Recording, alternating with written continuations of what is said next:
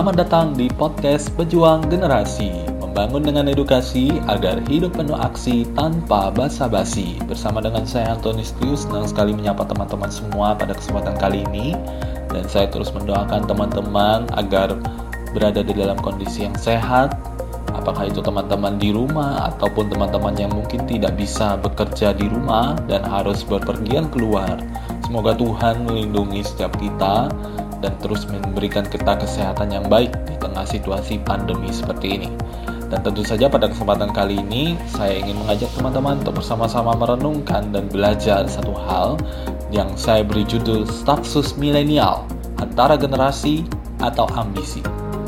Kalau kita melihat berita akhir-akhir ini, tentu saja kita tahu dan kita mungkin sudah mengenal siapa saja status milenial presiden tersebut dan tidak perlu saya sebutkan di kesempatan kali ini. Tetapi menariknya baru-baru ini dikatakan ada dua status milenial yang mengundurkan diri dari jabatan mereka sebagai status presiden. Siapa saja mereka?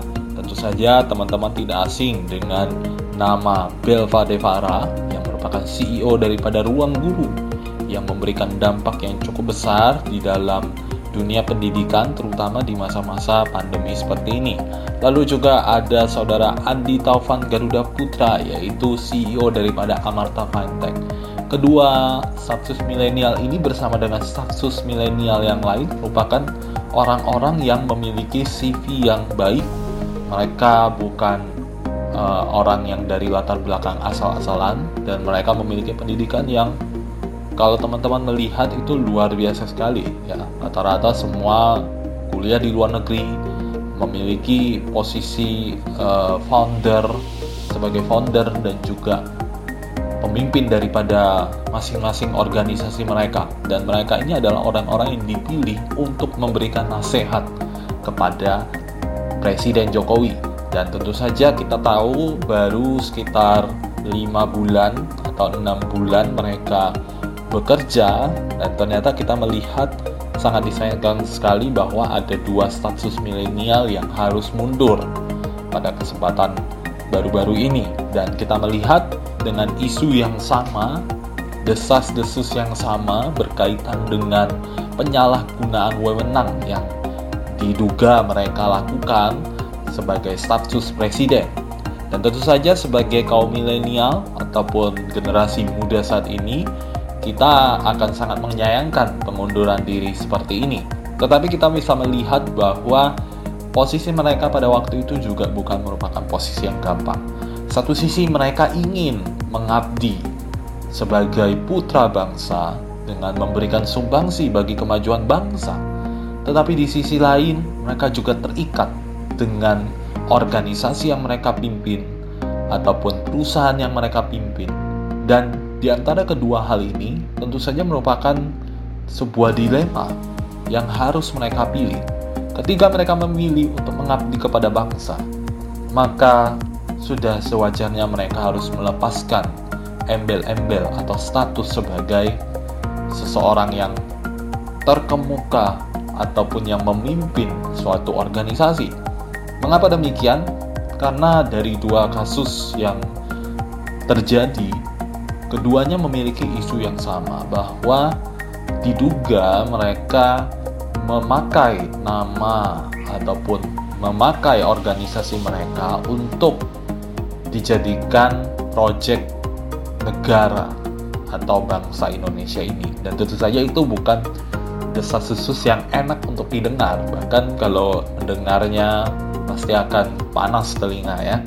Nah tetapi menarik sekali uh, apa yang mereka pilih pada kesempatan waktu itu kalau saya bisa jabarkan di dalam dua pilihan antara mereka memilih antara generasi ataupun mereka memilih ambisi mereka di dalam organisasi maka pengunduran diri ini jelas menunjukkan bahwa mereka lebih memilih organisasi mereka ketimbang mengabdi kepada bangsa untuk menjadi teladan bagi para generasi muda.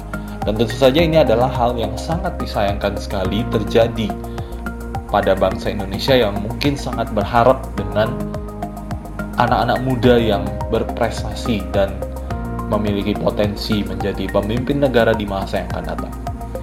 Berkaitan dengan ini, tentu saja kita bisa memetik sebuah pelajaran yang berharga, melihat bahwa peranan seorang stafsus anak muda itu sangat penting sekali. Kalau kita bisa melihat di dalam Alkitab sendiri mencatat bahwa pada waktu Musa memimpin bangsa Israel, Musa itu punya stafsus juga. Ada berapa stafsusnya? Kita tahu ada 12 stafsus yang diutus untuk mengintai ya bangsa Kanaan dan memberikan masukan kepada Musa apakah mereka harus maju ke tanah Kanaan, apakah bangsa Israel harus maju atau tidak. Nah, untuk saja kalau kita lihat, kita membaca di dalam bilangan pasal yang ke-13, di situ dicatat dengan jelas dari 12 bukan dua yang mengundurkan diri, tetapi ada dua staf khususnya Musa yang memberikan pernyataan bahwa bangsa Israel harus maju dan tidak boleh gentar sebab ada Tuhan yang akan menolong bangsa Israel untuk menduduki tanah Kanaan. Lalu bagaimana dengan 10 yang lain? 10 yang jumlahnya lebih banyak dan mereka itu bisa memberikan masukan yang sangat berarti apalagi kalau kita mengambil penilaian mayoritas adalah yang benar, maka 10 ini akan menjadi pemenangnya. Tetapi kita lihat 10 pengintai yang lain atau 10 status daripada Musa ini mengatakan bahwa bangsa Israel tidak akan bisa menang. Mereka lupa bahwa tanah Kanaan itu adalah dijanjikan oleh Allah dan mereka lupa bahwa Allah pasti akan menyertai dan menolong bangsa Israel meskipun keadaan yang dilihat adalah keadaan yang sulit. Berbeda dengan 10 ini, dua status yang berpotensi dan sangat menjadi teladan sekali di masa yang akan datang kita melihat yaitu antara Yosua dan Kaleb. Yosua dan Kaleb ini akhirnya menjadi pegangan ya. Perkataan mereka menjadi sebuah pegangan bahwa mereka bukan hanya untuk kepentingan diri mereka, bukan hanya untuk ambisi mereka saja, tetapi ini demi generasi bangsa Israel. Yosua dan Kaleb yakin bahwa Allah pasti akan menolong bangsa Israel, menolong generasi-generasi itu yang muda tersebut untuk masuk ke tanah Kanaan. Sehingga kita bisa melihat nasihat yang diberikan akan sangat menentukan apa posisi yang mereka ambil. Apakah mereka hanya mementingkan kepentingan diri kepentingannya sendiri, atau mereka memikirkan orang lain, memikirkan generasi-generasi yang ada di depan mata mereka. Dan kita melihat pada akhirnya Musa mengambil keputusan untuk maju bersama dengan Allah. Allah yang memimpin bangsa Israel dan mereka menduduki bangsa Kanaan. Dari sini kita melihat bahwa sebagai orang-orang yang dipilih oleh Allah, di mana pun teman-teman berada nanti, suatu saat teman-teman akan membuat sebuah keputusan. Apakah teman-teman melakukan sesuatu hal itu untuk kepentingan diri sendiri, untuk ambisi pribadi, untuk usaha yang teman-teman terus usahakan demi keuntungan diri sendiri, atau apa yang teman-teman lakukan itu dikerjakan bagi generasi masa kini dan masa depan. Biarlah kita boleh terus merenungkan pada bagian ini bahwa ketika Tuhan mempercayakan kita sesuatu hal, kita harus ingat, kita jangan tenggelam di dalam ambisi kita. Kita harus memikirkan generasi ke depan, generasi yang ada sekarang dan generasi yang akan datang. Kita harus memikirkan semua hal tersebut bukan untuk kepentingan diri kita, tetapi untuk kepentingan nama Tuhan.